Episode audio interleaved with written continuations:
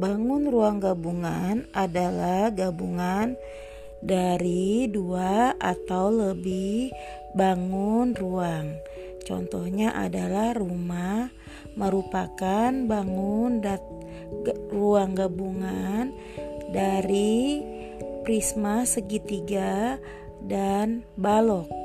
Kemudian ada lagi contoh bangun yang lain seperti tempat kerupuk yang merupakan gabungan dari bangun ruang balok dan bangun ruang tabung.